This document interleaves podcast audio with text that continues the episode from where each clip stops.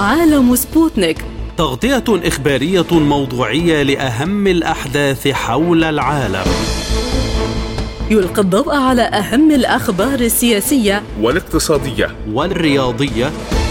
وجولة مع الأخبار الخفيفة من سبوتنيك break في عالم سبوتنيك. أهلا بكم مستمعينا الكرام في حلقة جديدة من عالم سبوتنيك. يسعد بصحبتكم في هذه الحلقة عبد الله حميد ونوران عطلة والبداية مع أبرز العناوين.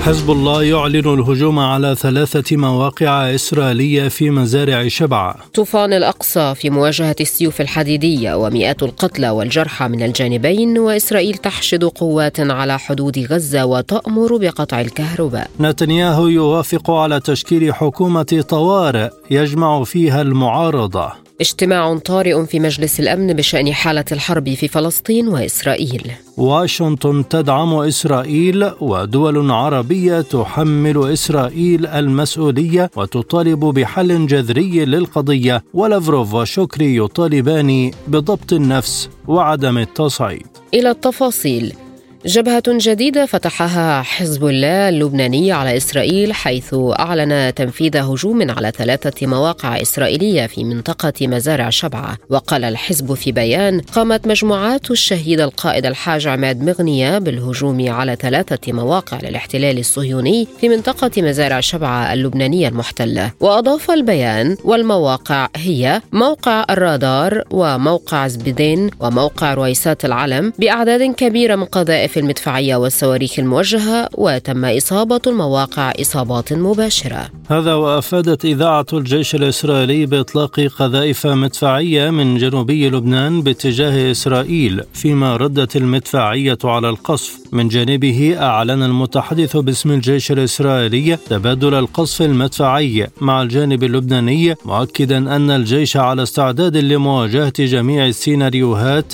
وسيواصل حماية أمن سكان دولة إسرائيل. من بيروت ينضم إلينا دكتور هشام جابر رئيس مركز الشرق الأوسط للدراسات الاستراتيجية. بعد تحية ماذا يعني هذا الهجوم؟ وهل نحن بصدد فتح جبهة جديدة في ظهر إسرائيل؟ لا الجواب فتح جبهة جديدة ليس لحزب الله أي مصلحة بفتح جبهة جنوبية لأسباب عديدة داخلية بالدرجة الأولى يعني لأنها ستكون صعبة على لبنان. حتى جمهور حزب الله الذي يؤيده ويدعمه بردع إسرائيل ويصفق له ويؤيده إذا دافع على عن جنوب لبنان وعن لبنان يعني في حال حصل هجوم إسرائيلي حتما ليس معه في بدء الحرب. الحرب ستكون صعبة جدا وليست شعبية ستكون على لبنان صعبة حزب الله أعقل من أن يفتح الجبهة الجنوبية لأسباب عديدة. ثانيا نتنياهو حزب الله مستعد. إذا فتحت إسرائيل الجبهة مستعد بشن الرد على إسرائيل بكافة أنواع الأسلحة. يعني آه، ستكون حرب لا يعني لا حدود لها، أنا أعتقد بالوقت الحاضر ليس لحزب الله مصلحة بفتح آه، الجبهة. ما يعني ما يسمى first strike أو الضربة الأولى، أما إسرائيل كمان في نفس الوقت حتى قبل أحداث آه، غزة يعني نتنياهو قلنا مرارا ليس له مصلحة وليس مستعد ولا يتجرأ بفتح الجبهة اللبنانية لأسباب عديدة. يعني حتى الأمريكيين نصحوا وحتما آه، روسيا نبهت نتنياهو منذ زمن. يعني زارنا موسكو أكثر من مرة إنه فتح الجبهة الجنوبية مع جنوب لبنان ستمتد إلى الجبهة السورية وموسكو كما تعلم هي موجودة في جنوب سوريا. لهذه الأسباب العديدة وحتى الدراسات الإسرائيلية تقول أنه في حال حصل عدوان على لبنان ستكون كارثة على إسرائيل. هذا هو يفضل أن يكون بموقع الرد وليس البادئ. فكيف بالأحرى اليوم هو لا يستطيع أن يقاتل على عدة جبهات هل الرد الإسرائيلي سيكون محدودا أم أنه يمكن أن يتوسع ويضرب بقوة في لبنان؟ لا لا من حيث المبدأ سيكون محدودا. تعودنا على مزارع شبعة وعلى كرشوبه أما أما هذه حرب لا أحد إذا يعلم كيف ستتصور. احتمال بطيء جدا يعني خفيف أنه آه، تتوسع في جنوب لبنان. وأما حتى الآن يعني أعتقد أنها آه، تحت السيطرة وأنها تبادل مدفعية. اسرائيل لم تتجرأ أن تقصف بالطائرات لم تتجرأ حتى اليوم أنه أن تقصف بالصواريخ. فقط هو تبادل آه، نيران مدفعيه ما هي أهمية هذه المواقع التي قصفها حزب الله وما تأثير هذه الضربات؟ هذه مهمة حتما لأنه نحن في جدل مع العدو الإسرائيلي الذي يتعدى على الحدود على الأراضي اللبنانية في مزارع شبعة أولا وفي آه في كفر شوبة لها أهمية يعني يمكن يمكن أن توقف العدو عند حدوده أو تجعله يتراجع إلى حد ما عن الأراضي التي قامها آه، في الأشهر الأخيرة. نعم.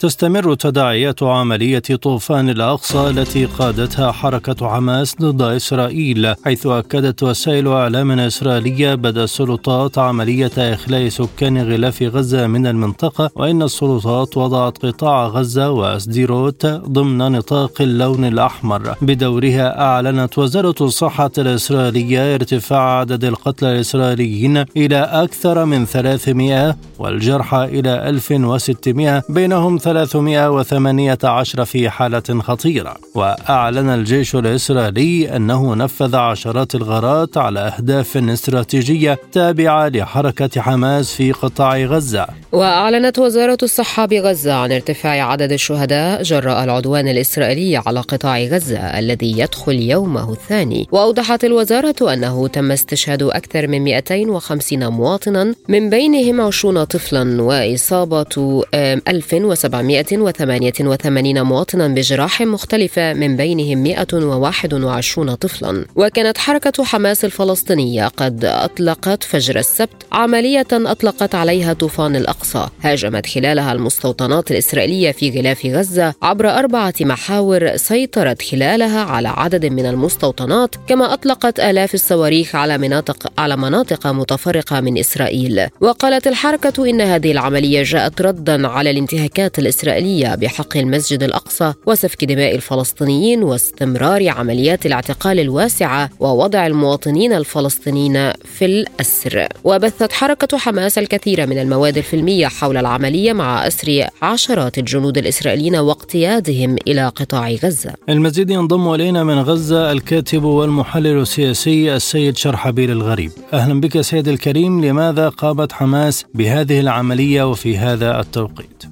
أعتقد أن توقيت العملية من حيث التوقيت يندرج في قراءة خاصة وهي أن هذه العملية تتمتع بهدفين هدفين بالحد الأدنى وهدف بالحد الأقصى، الهدفين بالحد الأدنى هناك رؤية لدى حماس زيادة عدد الأسرى لديها لمفاوضة إسرائيل عليهم وتحرير الأسرى في سجون الاحتلال وهو ما جعلها تتخذ هذا القرار بسبب تعنت الحكومة الإسرائيلية من المضي في مفاوضات جادة لإبرام صفقة تبادل الأسرى. من حيث التوقيت أيضا في ظل ما يتعرض له الأقصى من انتهاكات غير مسبوقة خاصة في فترة الأعياد الإسرائيلية اليهودية وحالة الانتهاك والتدنيس للمسجد الأقصى ممارسة يعني طقوس تلمودية الاعتداء على المصلين سواء كانوا مسلمين أو مسيحيين.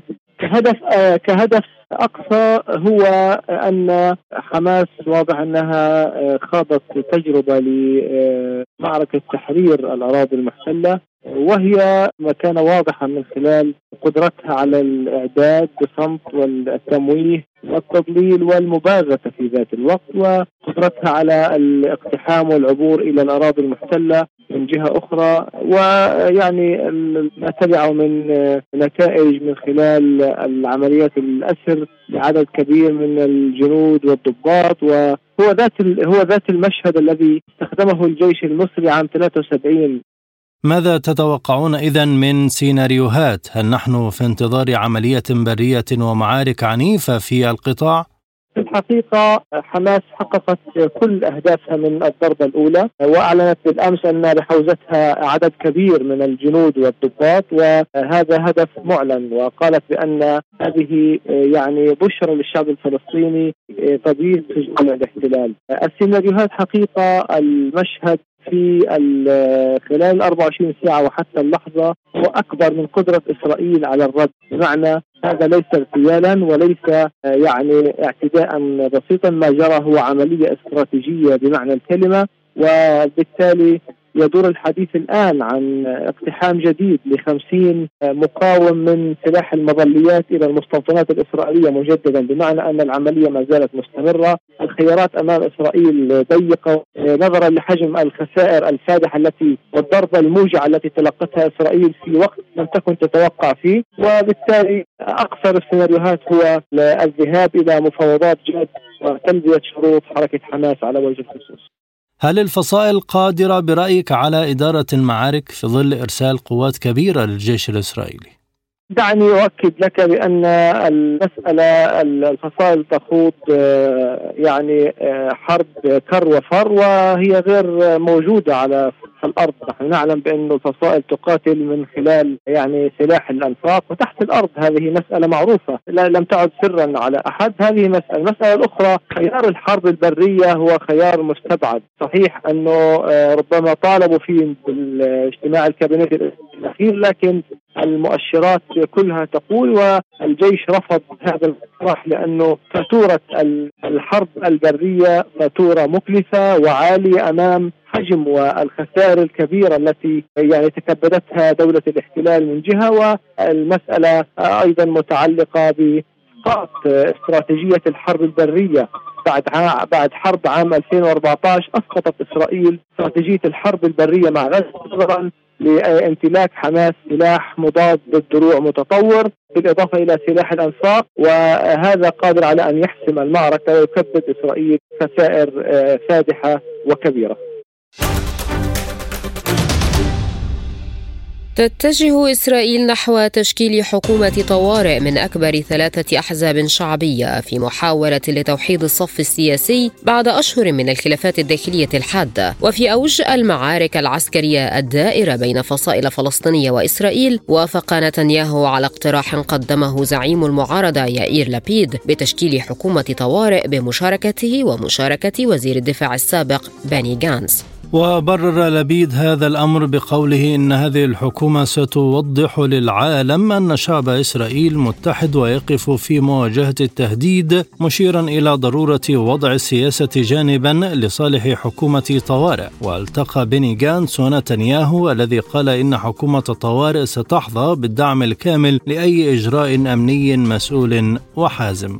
من تل أبيب ينضم إلينا مردخاي كدار المحلل السياسي الإسرائيلي. بعد تحية يعني ماذا عن رد الفعل الإسرائيلي حكوميا الآن؟ رد الفعل كما قاله نتنياهو آه، أمس هو أن إسرائيل في حالة حرب.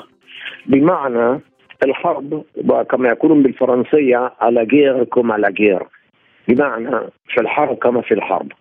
آه هذا أخذ يوم يومين لإسرائيل لتقييم الوضع ولجمع القوات آه، ولتجنيد الاحتياط وجميع قوى الاحتياط آه، قد انتفضت للواجب وهم اليوم بصدد تقسيم الأدوار يعني بين أذرع الجيش بين سلاح الجو وسلاح البحرية وسلاح المشاة والدبابات والصواريخ والمدافع وكل هذا للتخلص من حركة حماس، يعني هذا لا لا يكفي يعني ردعهم.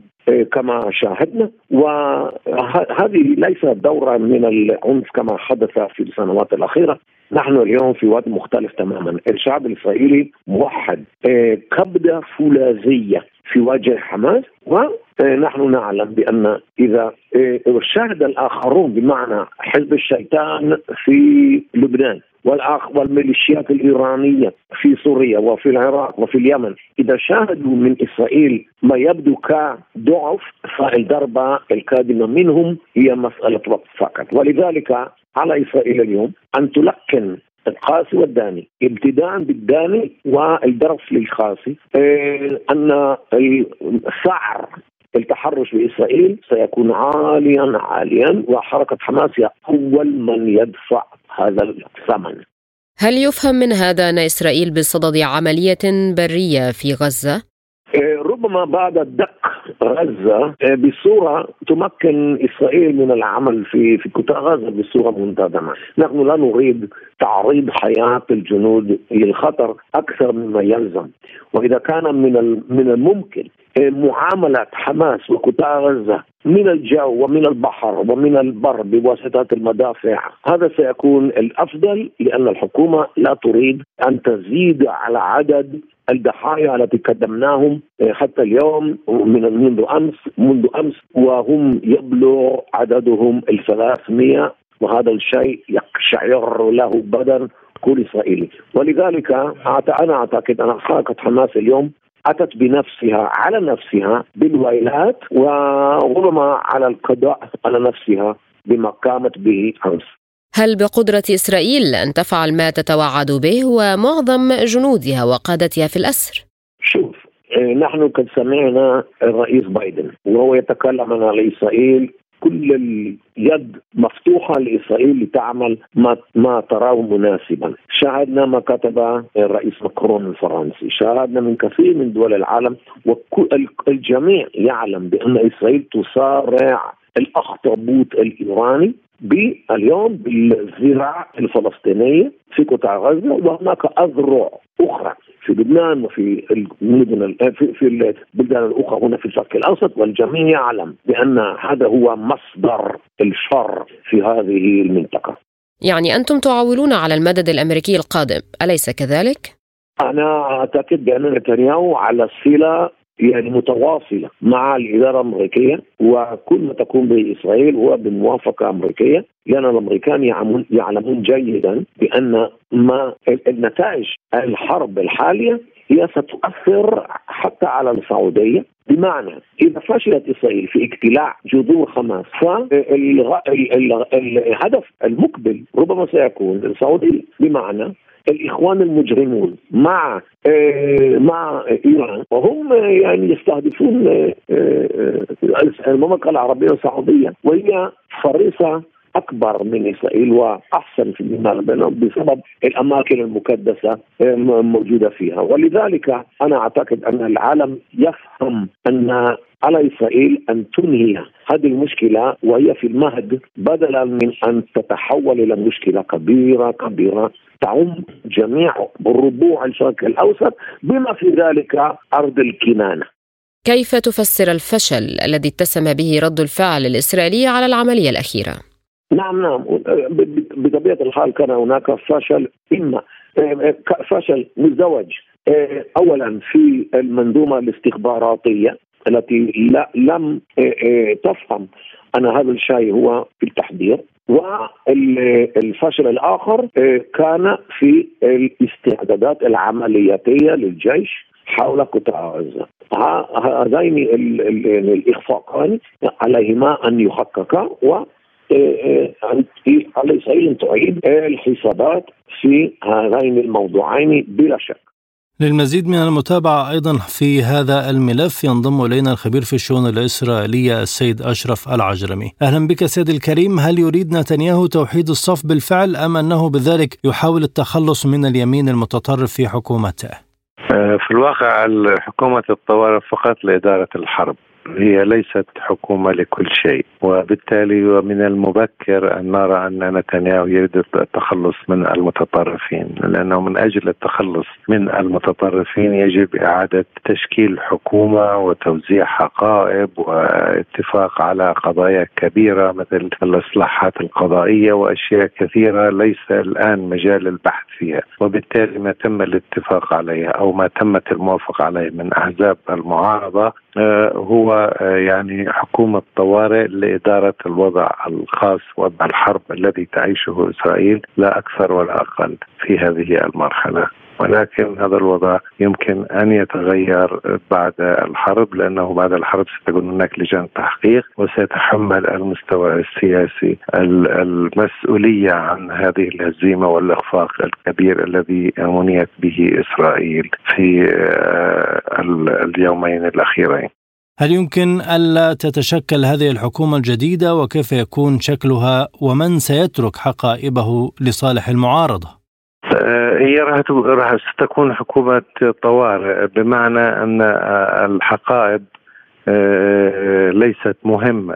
لن يبحثوا في الحقائب راح سيبحثوا في تشكيل متوازي حكومة مصغرة مشكلة بمناصفة بين المعارضة والحكومة الحالية وحكومة صغيرة يعني قادرة على اتخاذ القرارات فيما يتعلق بالمواجهات العسكرية. ولكن آه، هذا أيضا يعني سيجر إلى تطورات سياسية لاحقة، الآن إسرائيل تريد أن تظهر بصورة الموحدة في مواجهة العدو الخارجي الذي هو يعني فصائل المقاومه في قطاع غزة وربما حزب الله في الشمال، بالتالي هذا هو الهدف هذا هو الهدف الرئيس لهذه الحكومة ولن تبحث في القضايا الأخرى الا ما بعد الحرب، بعد انتهاء الحرب لكل حادث حديث. غير ذلك ستدار الأمور في إطار الطوارئ وإعلان الوضع غير العادي الذي آه، أعلنته إسرائيل. مع تشكيل الحكومة الجديدة برأيك هل تختلف ردود فعل إسرائيل؟ باعتقادي إن إسرائيل لن تختلف كثيرا الوجه الحقيقي لإسرائيل لن يظهر في خلال الحرب سيظهر بعد الحرب. بمعنى أن تبعات هذه الحرب ونتائجها ستظهر بعد انتهاء حكومة الطوارئ وبعد أن تتشكل لجان تحقيق. وعلى الأغلب ستكون حكومة نتنياهو المتطرفة الحالية هي الضحية وهي التي تدفع الثمن لهذا الإخفاق الكبير. وربما نتنياهو شخصيا ينهي حياته السياسية كنتيجة لهذا الإخفاق كما أنهت آه، جولدا مير حياتها السياسية في اعقاب الإخفاق في حرب أكتوبر عام 1973 على الصعيد الدولي دعت البرازيل إلى عقد اجتماع طارئ لمجلس الأمن الدولي في أعقاب أكبر هجوم على إسرائيل منذ سنوات. ونددت البرازيل التي تولت الرئاسة الدورية لمجلس الأمن هذا الشهر نددت بالهجمات في بيان وعبرت عن تضامنها مع شعب إسرائيل. كما شددت على ضرورة الالتزام بحل الدولتين تتعايش فيهما فلسطين وإسرائيل داخل حدود تتفقان عليها وتحظى باعتراف دولي. وشنت حركة المقاومة الإسلامية حماس أضخم هجوم على إسرائيل منذ سنوات سقط خلاله مئات القتلى والجرحى في صفوف العسكريين والمدنيين. وتعهد رئيس الوزراء الإسرائيلي بنيامين نتنياهو بالرد وأعلن أن بلاده في حالة حرب. من جانبها صرحت وزارة الخارجية الصينية أن الصين تدعو طرفي الصراع إلى ضبط النفس والوقف الفوري لإطلاق النار. وأشارت الوزارة إلى أن الطريقة الأساسية لحل الصراع الفلسطيني الإسرائيلي هي تنفيذ حل الدولتين وإقامة دولة فلسطينية مستقلة. من عمان ينضم إلينا دكتور جمال الشلبي أستاذ العلوم السياسية بالجامعة الأردنية. بعد تحية دكتور جمال يعني البرازيل دعت لهذا الاجتماع. هل يشهد انقسام بين الدول الخمس دائمة العضوية في قرار بشأن فلسطين؟ بالتأكيد هناك في وجهات نظر مختلفة. الموقف الأمريكي الغربي آه، الفرنسي البريطاني مؤيد لإسرائيل ويعتبر أن ما قامت به حماس هي عملية إرهابية. في حين أن دولة مثل روسيا وربما الصين آه، تعتقد أن هذا رد فعل طبيعي آه، لكل السياسات الاستيطانية والهجوم على الأماكن المقدسة مثل الأقصى وتحت تحديد وتحييد العمل اليومي للفلسطيني. وبالتالي هناك رغبة من هذه الدول آه، أن يكون هناك في آه، فلنقل العمل على إيجاد حل مباشر وسريع. وبالتالي هذا الانقسام سينعكس بالضرورة على مجلس الأمن وعلى قراراته التي إذا حدث أو إذا تم اجراؤه سيكون عمل مهم من أجل إيقاف آه، هذا هذا التصعيد غير المتوقع من قبل حماس تجاه إسرائيل التي جلست ربما أكثر من 75 40 سنة دون أن تعطي أي أمل في حل القضية الفلسطينية وإيجاد دولة قابلة للحياة آه، كما هي الحال بالنسبة لها هناك من يندد فقط بالهجمات الفلسطينية وهناك من يربطها بحل دائم وإقامة دولتين فهل يمكن أن نشهد مطالبات لعودة مفاوضات سلام حقيقية؟ أعتقد نحن الآن نسير تجاه عملية سلام حقيقية لأن إسرائيل أدركت بأنه لا يمكن أن تحصل على أي شكل من أشكال الأمن والسلام دون إيجاد حل دائم وشامل يعطي الفلسطينيين حقهم ويعطيهم دولتهم المعروفة والمتعارف عليها والمنصوص عليها في القوانين والتشريعات الدولية، فبالتالي آه، سعي العرب وخاصة الأردن ومصر وبعض الدول العربية الأخرى في إيجاد حل آه، الدولتين القائم على الرابع من حزيران آه، كان حل وكان مطلب دائم في جميع الخطابات في جميع اللقاءات العربية الإسرائيلية. ودون أي رد فعل حقيقي ودون أي استجابة، اليوم أدركت إسرائيل بأنه لا يمكن أن تحصل على الأمن وعلى السلام بدون آه، هذا هذا الواقع، الواقع الذي يجبرها على إيجاد صيغة ما يسمى الأرض مقابل السلام، بدون هذه الصيغة أنا أعتقد آه، ربما تجد نفسها إسرائيل في موضع أصعب مما هو حاله الآن. فيما يتعلق بعملية طوفان طوفان الأقصى الذي قامت به فصيل من فصائل الفلسطينيين وهي حماس، وبالتالي الخطر الداهم هو ليس الآن ربما هو في المستقبل ماذا على المجموعة العربية فعله في جلسة مثل هذه؟ آه، الدور العربي عادة هو دور آه، فقط آه، يعتمد على التنديد والمطالبة ويعتمد على عدم الرغبة في آه، الوصول إلى آه، مواقف آه، أو فلنقل القفز إلى المجهول. وهذه العادة العربية اليوم في ظل الانبطاح العربي في ظل الانقسام العربي في ظل وجود تيارات أو دول عربية ترغب في الذهاب إلى التطبيع بالمجاني. أعتقد أنه في سيكون هناك أيضا انقسام عربي حول التنديد بهذه العملية أو حول الوصول إلى حل يرضي الجميع ويحمي المقاومة ويحمي غزة. ف فأعتقد إنه الوضع العربي لا يختلف كثيرا عن الانقسام الحاصل في مجلس الأمن وهذه مشكلة عويصة أضعفت القضية الفلسطينية أضعفت الموقف الفلسطيني وأضعفت فكرة إيجاد حل دائم وشامل يعطي الفلسطينيين حقهم الذي يبحثون عنه منذ أكثر من 75 عاما. القضية الفلسطينية تم تهميشها تماما خلال السنوات الماضية، هل هكذا عادت لتتصدر المشهد واهتمام العالم؟ بالتأكيد.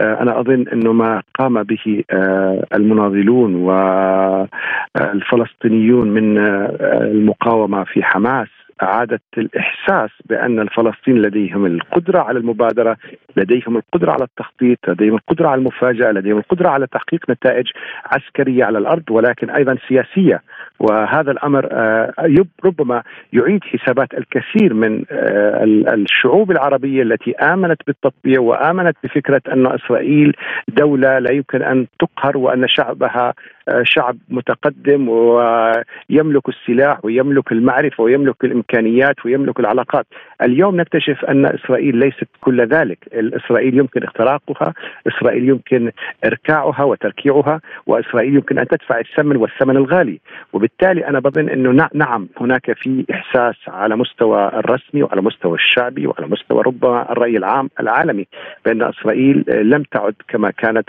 قبل 7 تشرين الأول 2023 إسرائيل الآن دخلت في نفق كبير ابتدأ منذ الحرب ما يسمى حرب الكرامة عام 1968 ثم حرب أكتوبر أو تشرين آه، في 73 واليوم نشهد غزة كنقطة مهمة في عمليات التهديد الأمني الكامل لإسرائيل وأمنها الذي كان يتسم بالقوة وبالصرامه وبعدم قدرة أي أحد للتحدي وللوصول إلى حدوده بأي شكل من الأشكال لا سيما وإن لديه قوتان قوة متعلقة بالاستخبارات الموساد والشباك وقوة سلاح الجو. اليوم أعتقد أنه نحن نعيش حالة شك تجاه هاتين القوتين اللتان كان نبراسا وكانت ربما يعني أهم آه، آه، أهم عناصر القوة في الدولة الصهيونية. عموما هل يعول على هذه الجلسة في إيجاد حل ولو جزئي للأزمة الحالية؟ لا أعتقد ذلك لأنه المواقف متشنجة، إسرائيل لن تقبل بأن تصاب بهذه الفاجعة وأن وأن تضرب في قلبها وعقلها وأن تتسم من قبل الجميع بالخوف وبالتردد، أعتقد أنها ستمارس إلى إلى حد بعيد فكرة ما يسمى الأرض المحروقة لفترة زمنية محددة. وبالتالي اللقاء الأول لن يكون مجديا وربما الثاني والثالث. ولكن بعد الضغوطات بعد أن تقوم تقوم بالثأر الثأر الذي يقوم على الدم والقتل والجماجم وحرق الأرض والشجر وربما مسح أجزاء كبيرة من آه، الأحياء في غزة. ربما بعد ذلك تسمع إلى آه، العقل وتسمع إلى قرارات الأمم المتحدة. عندها تستطيع أن تقول لشعبها بأنني قمت بالثأر وبالتالي آه، لا حماس ولا غيرها تستطيع أن تعيد الكرة مرة أخرى وهذا ما تريد أن تثبته وتؤكده من خلال رفضها أي قرارات تأتي من مجلس الأمن أو غيره.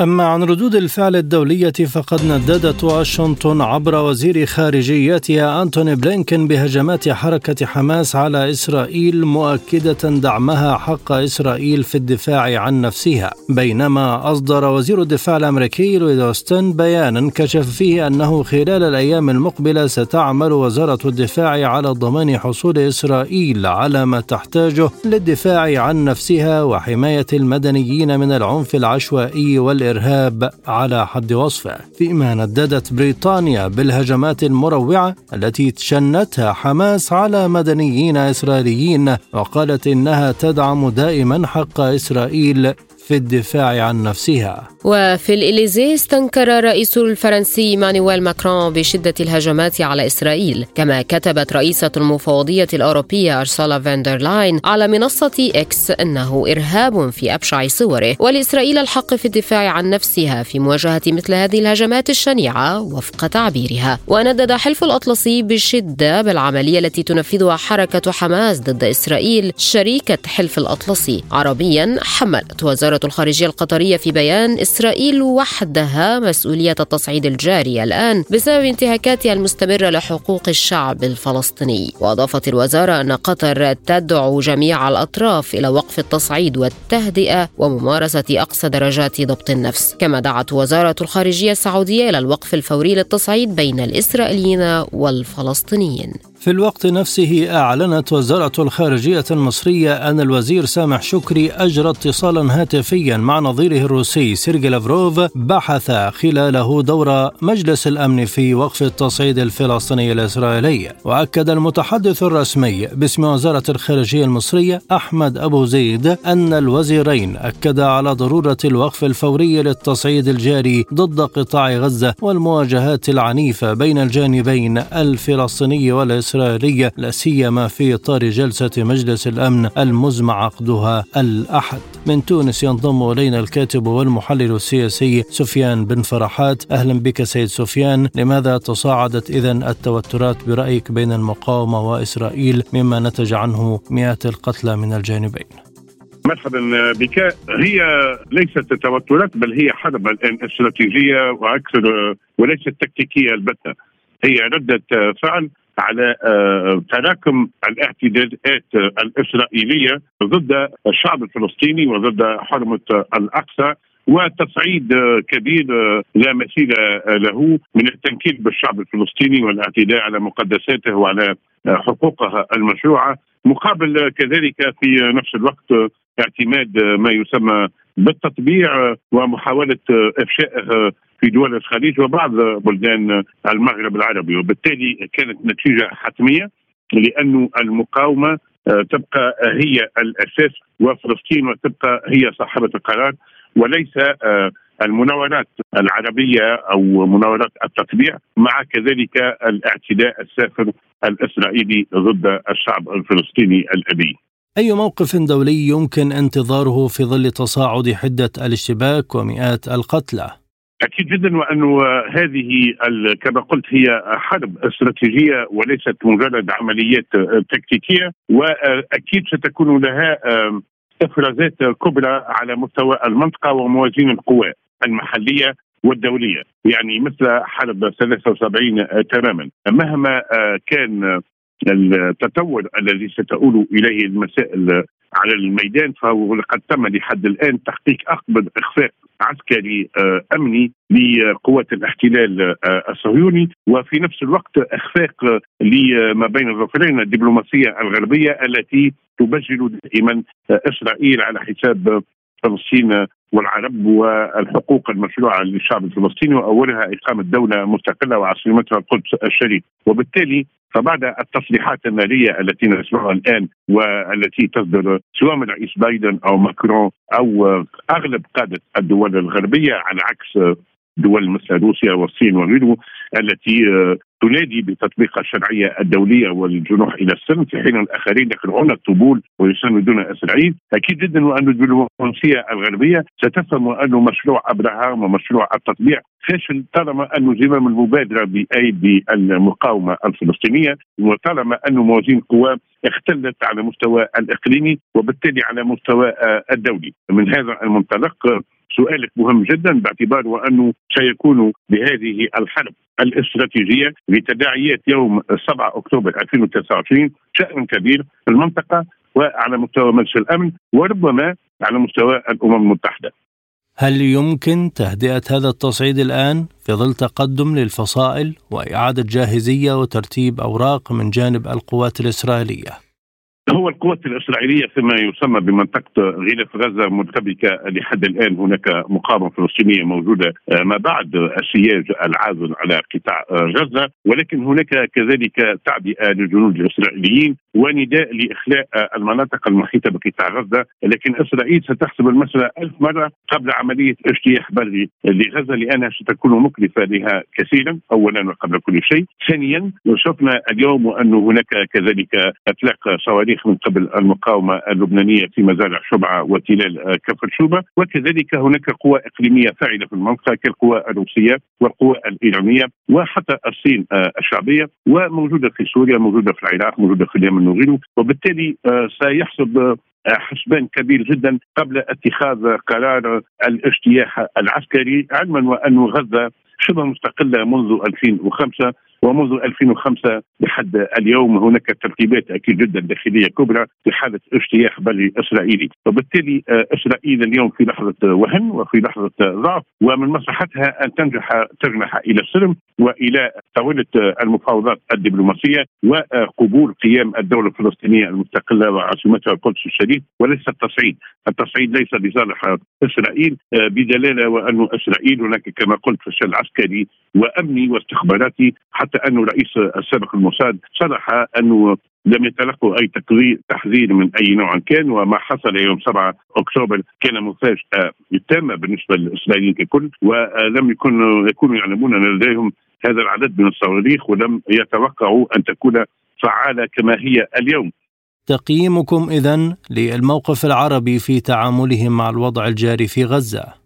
الموقف العربي بين المتردد وبين الموقف شديد اللهجة آه، رئاسة التونسية أعطت موقف ثابت مع الحق المشروع للشعب الفلسطيني كذلك الجزائر. السعودية كذلك موقفها حملة الاحتلال مسؤوليه ما يقع الآن. لكن الموقف العربي مربك خاصة للدول التي اعتمدت التطبيع والتي أصبحت تساوم حتى بعض الدول العربية لمعونتها الاقتصادية مقابل ما يسمى ببرنامج أبراهام والتطبيع. وبالتالي الساق العربي منقسم الآن وزمام المبادرة ليس لدى الدول العربية. وأكيد جدا مسار التتبيع الآن قبل بالعملية التي تمت البارحة، مهما ستؤول اليه الأمور لاحقا فإن ما حدث يوم 7 أكتوبر يعد حدثا كبيرا، حدثا تاريخيا، حدثا حاسما سيقلب موازين القوى لمدة طويلة في منطقة الشرق الأوسط في قضية الصراع العربي الاسرائيلي وخاصة قضية الشعب الفلسطيني ضد الإحتلال الغاشم.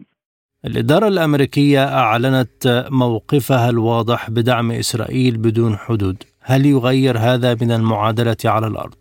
لا لن يغير هو الإدارة الإسرائيلية الأمريكية أعلنت مساندتها كذلك لزيلينسكي في أوكرانيا لكن هذه المساندة أصبحت حبل على ورق ومجرد كلام للرأي العام والإدارة الأمريكية الآن لها استحقاقات داخلية مهمة جدا وزيلينسكي نفسه يعني هذا العميل الأمريكاني يعني شفنا أنه يساند في إسرائيل. وبالتالي الإدارة الأمريكية لأنه بعد أيام الانتخابات هم كذلك رهين اللوبي الصهيوني واللوبي المالي واللوبي البنكي المرتبط بالدوائر الصهيونية. لكن لا تتصل الأمور. هناك فاعلين جدد في إفريقيا في الشرق الأوسط وغيره. أساسهم الصين وروسيا وكذلك رجوع دول الجنوب عبر منظمة البريكس.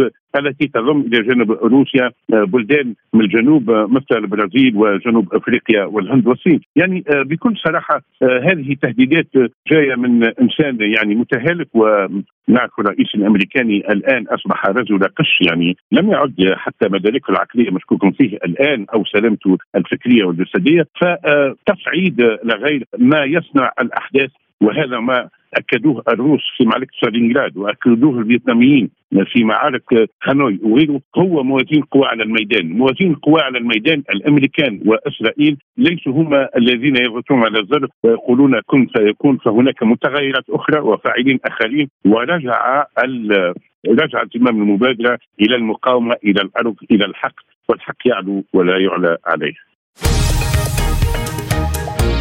عالم سبوتنيك يغطي جميع الأحداث السياسية والاقتصادية والرياضية حول العالم. انتظروا عالم سبوتنيك أيام الجمعة والسبت والأحد من كل أسبوع. الآن مستمعين إليكم جولة إخبارية حول العالم.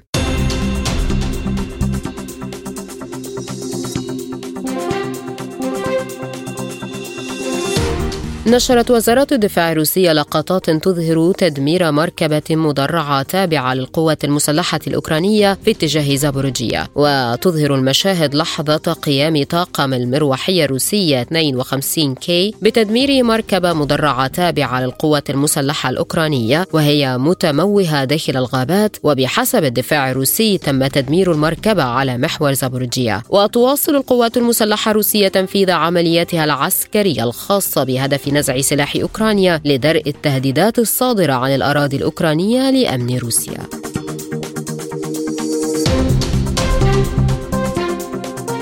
أكد الرئيس الروسي فلاديمير بوتين أن السوق الروسية توفر بأمان جميع أنواع المواد الغذائية الأساسية وأن إمكانيات التصدير في قطاع الصناعات الزراعية في البلاد تزداد تدريجيا. وفي تهنئته للعاملين في قطاعي الزراعة والصناعة التحويلية قال بوتين إن المزارعين الروس في السوق المحلية يؤمنون أن جميع الأنواع الغذائية الأساسية متوفرة وتتزايد أيضا إمكانيات التصدير التصدير في هذا القطاع الصناعي. وفي وقت سابق أعلن وزير الزراعة الروسي ديمتري باتروشيف أن إمدادات الحبوب المجانية من روسيا إلى الدول الأفريقية قد تبدأ في غضون شهر أو شهر ونصف الشهر. وكان الرئيس بوتين قد قال إن بلاده ستبدأ في توريد الحبوب المجانية لست دول إفريقية في غضون أسبوعين خلال لقاء مع الرئيس التركي رجب طيب أردوغان الذي أكد أن أنقرة مستعدة للمساعدة في تجهيز الحبوب الروسية لمزيد من الشحن إلى البلدان المحتاجة.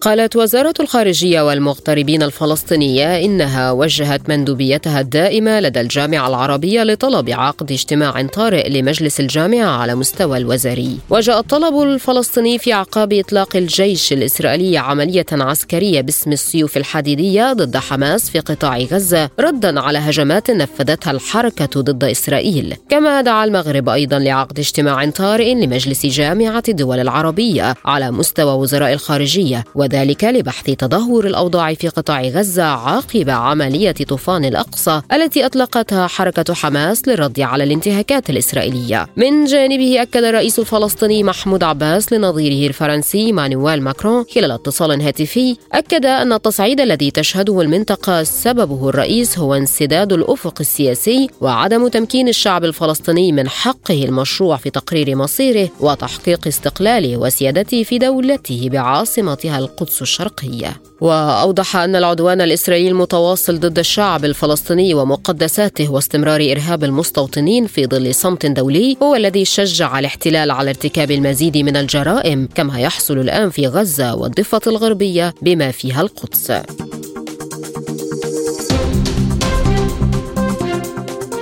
ارتفعت حصيلة ضحايا زلزال أعقبته هزات ارتدادية في غرب أفغانستان إلى أكثر من ألف قتيل فيما يسابق عناصر الإنقاذ الزمن للعثور على ناجين تحت الركام في قرى سويت بالأرض. وهز زلزال السبت الذي بلغت قوته 6.3 درجات وأعقبته ثمان هزات ارتدادية قوية مناطق يصعب الوصول إليها تقع على بعد 30 كيلو مترا شمال غرب غرب عاصمة الولاية هرات ما أدى إلى انهيار منازل ريفية فيما هرع السكان للنزول إلى الشوارع. وقال نائب الناطق باسم الحكومة بلال كريمي إن حصيلة الضحايا مرتفعة جدا وبلغت حصيلة القتلى أكثر من ألف شخص وبانتظار معرفة الأعداد النهائية. إلى ذلك أعلنت منظمة الصحة العالمية بأن أكثر من 600 منزل دمروا أو تضرروا جزئيا في أنحاء 12 قرية على الأقل في ولاية هرات. مع تأثر حوالي 4200 شخص.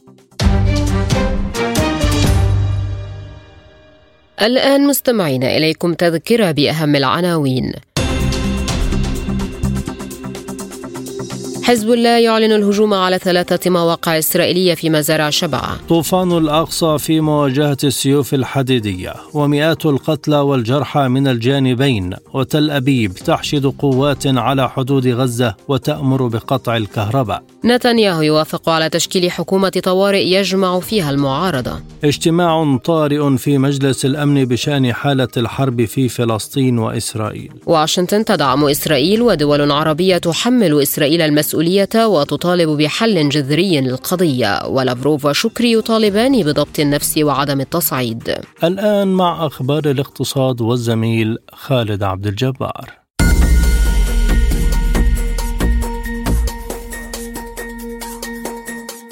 ألغت شركات طيران عدة عشرات الرحلات إلى تل أبيب في نهاية هذا الأسبوع في أعقاب الهجوم العسكري الذي شنته حماس على إسرائيل وفق بيانات الوصول في مطار بنغوريون الدولي المنشورة على الإنترنت. ومن بين هذه الشركات التي أوقفت رحلاتها إلى مطار بنغوريون في تل أبيب لوفتهانزا وطيران الإمارات وراين إير وخطوط إيجه الجوية وشركات أمريكية وحتى الخطوط الجوية الفرنسية. لكن السلطات لم توقف توقف الرحلات التجارية في هذا المطار ولا في مطار رامون قرب إيلات بجنوب الدولة العبرية وهو المطار الدولي الثاني في البلاد. وفي ألمانيا أعلنت شركة الطيران الأوروبية العملاقة لوفتهانزا عن تقليص عدد رحلاتها إلى إسرائيل بعد إطلاق الهجوم العسكري المفاجئ الذي شنته حركة حماس المسيطرة على قطاع غزة. من جهتها ألغت شركة ترانسافيا التابعة لمجموعة الخطوط الجوية الفرنسية كي إل إم رحلة جوية من مطار باريس أورلي كان مقررا أن تصل تصل بعد منتصف الليل إلى تل أبيب وذلك حتى لا يقضي موظفوها الليلة في إسرائيل.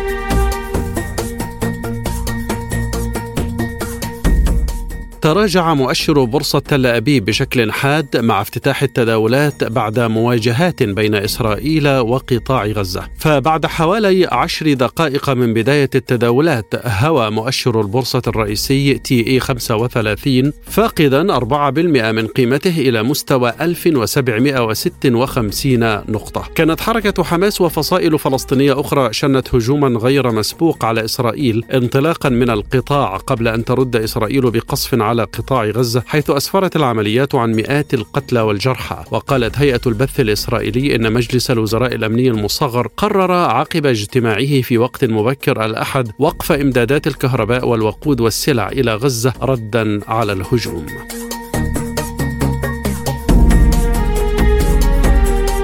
كشفت شركة المراعي المدرجة في سوق الأسهم السعودية عن ارتفاع صافي أرباح الربع الثالث من العام الجاري بنسبة 5% لتصل إلى 486 مليون ريال و300 ألف أي ما يعادل حوالي 129 مليون دولار. بالمقارنة مع نحو 463 مليون ريال في الربع المماثل من العام الماضي. وقالت الشركة في بيان على موقع تداول السعودية إن إجمالي مبيعاتها الفصلية خلال الثلاثة أشهر المنتهية في الثلاثين من سبتمبر 2023 ارتفعت بشكل طفيف بنحو فاصل ستة من عشرة بالمئة إلى أربعة مليار ريال و800 مليون على أساس سنوي. وبحسب البيان فإن الارتفاع في صافي الربح خلال الربع الحالي مقارنة مع الربع المماثل من العام السابق يعود إلى ارتفاع الإيرادات في الأسواق الأساسية حيث أثمر الأداء القوي للمراعي في أسواقها الأساسية بدول الخليج إلى تسجيل نمو سنوي بنسبة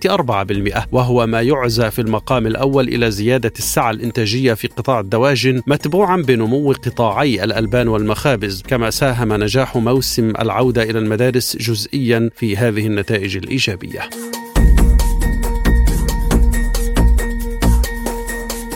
تدرس بيلتون المالية القابضة إحدى كبريات المؤسسات المالية في مصر من خلال شركتها التابعة 7 دخول سوق التمويل الاستهلاكي في الأردن. والتمويل الاستهلاكي هو كل نشاط يهدف إلى توفير التمويل المخصص لشراء السلع والخدمات لأغراض استهلاكية وسداد ثمنها على فترة زمنية لا تقل عن ستة أشهر. يأتي سعي بيلتون لدخول السوق الأردنية بالتوازي مع دخول فاليو التابعة لمجموعة إي إف جي القابضة وهي أكبر لاعب في سوق التمويل الاستهلاكي في مصر. مصر للسوق الأردنية قبل نهاية هذا العام. وقالت مصادر إن مسؤولين في بلتون زاروا بالفعل البنك المركزي الأردني الفترة الماضية وهي الآن في مرحلة دراسة اختيار الشريك المحلي هناك من خلال الاستحواذ على إحدى الشركات أو تأسيس شركة جديدة. ونما حجم التمويل الاستهلاكي في مصر بنسبة تفوق 52.5% ليصل إلى حوالي 16 مليار جنيه فاصل 9 من عشرة خلال أول خمسة أشهر من العام الجاري مقابل 11 مليار مليار جنيه للفترة نفسها من العام الماضي بحسب بيانات الهيئة العامة للرقابة المالية في مصر.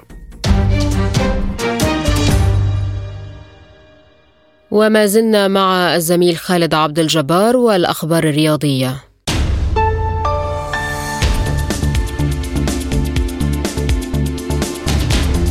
قاد الدولي الجزائري هشام بوداوي فريقه نيس إلى احتلال صدارة الدوري الفرنسي لكرة القدم بتسجيله هدف الفوز على مضيفه ميتس 1-0 ضمن المرحلة الثامنة من المسابقة. واستعاد نيس نغمة الفوز بعد تعادله السلبي أمام بريست الأسبوع الماضي بفضل بوداوي الذي سجل هدف المباراة الوحيد بعد 14 دقيقة من صافرة البداية من تسديدة بقدمه اليمنى من مسافة قريبة إثر تمريرة عرضية من ميلفين بارد. حافظ نيس الذي حقق فوزه الرابع مقابل أربعة تعادلات على سجله خاليا من الهزائم في الدوري هذا الموسم. رافعا رصيده في المركز الأول إلى 16 نقطة أمام موناكو الثاني برصيد 14 نقطة الذي سيكون بمقدوره العودة إلى المركز الأول في حال فوزه على رانس الرابع برصيد 13 نقطة في وقت لاحق.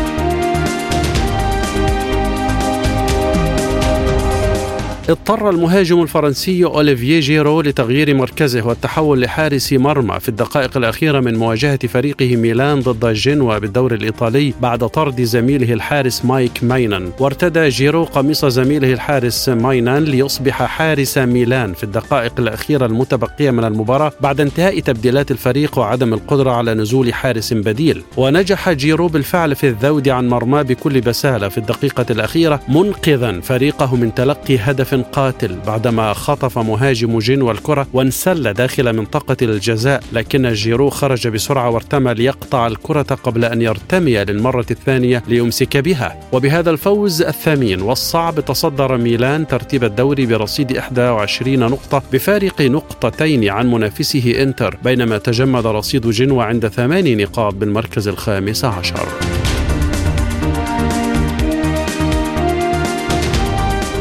دخل ليفربول الإنجليزي في منافسة محتدمة مع مواطنه نيوكاسل للظفر بخدمات نجم وست هام المتألق جارود بوين. وبحسب تقرير نشره موقع توك سبورت فإن إدارة ليفربول تعتبر أن بوين هو خليفة محمد صلاح بسبب المميزات الفنية التي يتمتع بها اللاعب ذو ست 26 عاما. وتابع الموقع قائلا إن إدارة ليفربول تراقب المفاوضات العسيرة بين بوين وإدارة وست هام للتجديد بينما تستعد إدارة نيوكاسل لتقديم عرض ضخم من أجل إغراء اللاعب بالانضمام للنادي الشمالي. وتألق بوين في الموسم الجاري وأحرز خمسة أهداف وقدم تمريرة حاسمة خلال سبع مواجهات.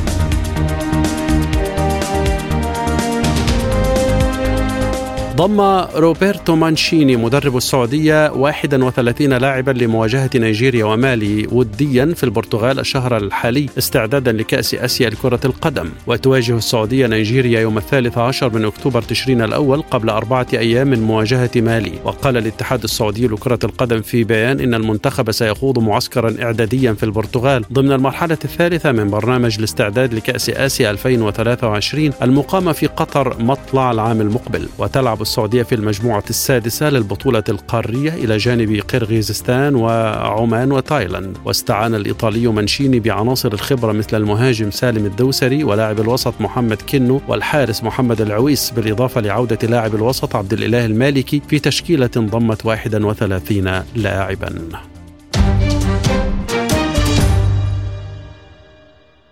سبوتنيك break والأخبار الخفيفة.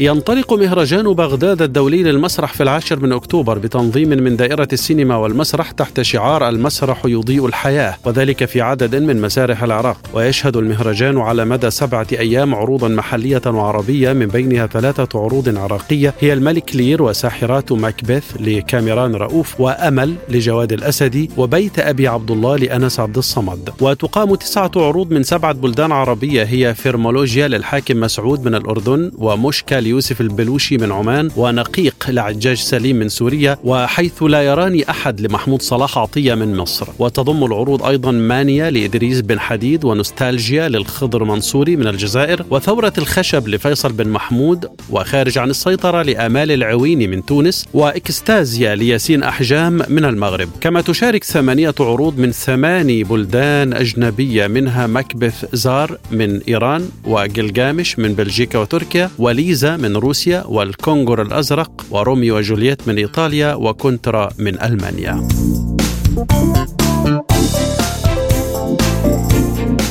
أعرب علماء فلك أخيرا عن دهشتهم من إطلاق نجم فيلا النابض على كوكب الأرض لانفجار طاقة قدرها 20 تريليون إلكترون فولت التي تعد أعلى أشعة جاما ذات طاقة عالية يتم رصدها على الإطلاق من نجم نابض. وتتحدى هذه الظاهرة الجديدة التي التقطها العلماء ونشروها في مجلة Nature العلمية الفهم الحالية للنجوم النابضة وانبعاثاتها من الطاقة. ونجم فيلا النابض هو نوع من النجوم النيوترونية يتكون من فوتونات ذات طاقات تقاس أعلى من تيرا إلكترون فولت ويقال إنه يقع على بعد نحو ألف سنة ضوئية من الأرض ويمتد قطره نحو 12 ميلا. والنجوم النابضة هي بقايا النجوم الميتة التي انفجرت لتشكل مستعمرات عظمى وتنبعث منها حزم من الإشعاع الكهرومغناطيسي مرئية على الأرض على فترات منتظمة في حين أنه من المعروف أنها كثيفة وحيوية بشكل لا يصدق إلا أن الانفجار الاستثنائي لنجم فيلا النابض الأخير ترك الخبراء في حيرة من أمرهم.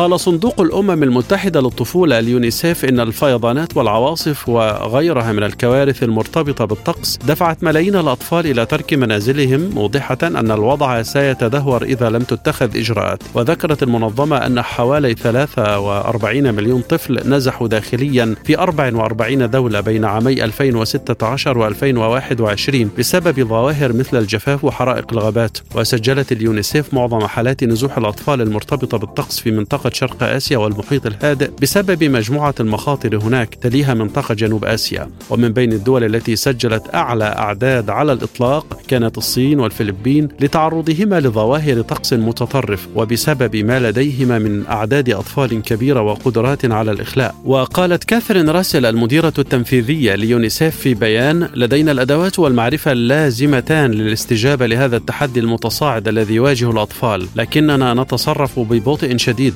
وأصبحت ظواهر الطقس المتطرف أكثر شيوعا في السنوات القليلة الماضية بسبب تغير المناخ.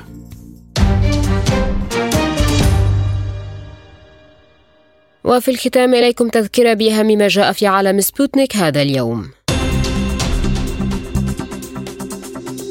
حزب الله يعلن الهجوم على ثلاثة مواقع إسرائيلية في مزارع شبعة. طوفان الأقصى في مواجهة السيوف الحديدية ومئات القتلى والجرحى من الجانبين وإسرائيل تحشد قوات على حدود غزة وتأمر بقطع الكهرباء. نتنياهو يوافق على تشكيل حكومة طوارئ يجمع فيها المعارضة. اجتماع طارئ في مجلس الأمن بشأن حالة الحرب في فلسطين وإسرائيل. واشنطن تدعم إسرائيل ودول عربية تحمل إسرائيل المسؤولية وتطالب بحل جذري للقضية. ولافروف وشكري يطالبان بضبط النفس وعدم التصعيد. وفي أخبار الاقتصاد العديد من شركات الطيران العالمية تلغي عشرات الرحلات إلى تل أبيب في أعقام الهجوم العسكري الذي شنته حماس على إسرائيل. ورياضيا الجزائري هشام بوداوي يقود فريقه نيس إلى صدارة الدوري الفرنسي بتسجيل هدف الفوز على مضيفه ميتز 1-0 للمزيد زوروا موقعنا سبوتنيك dot ae. إلى اللقاء.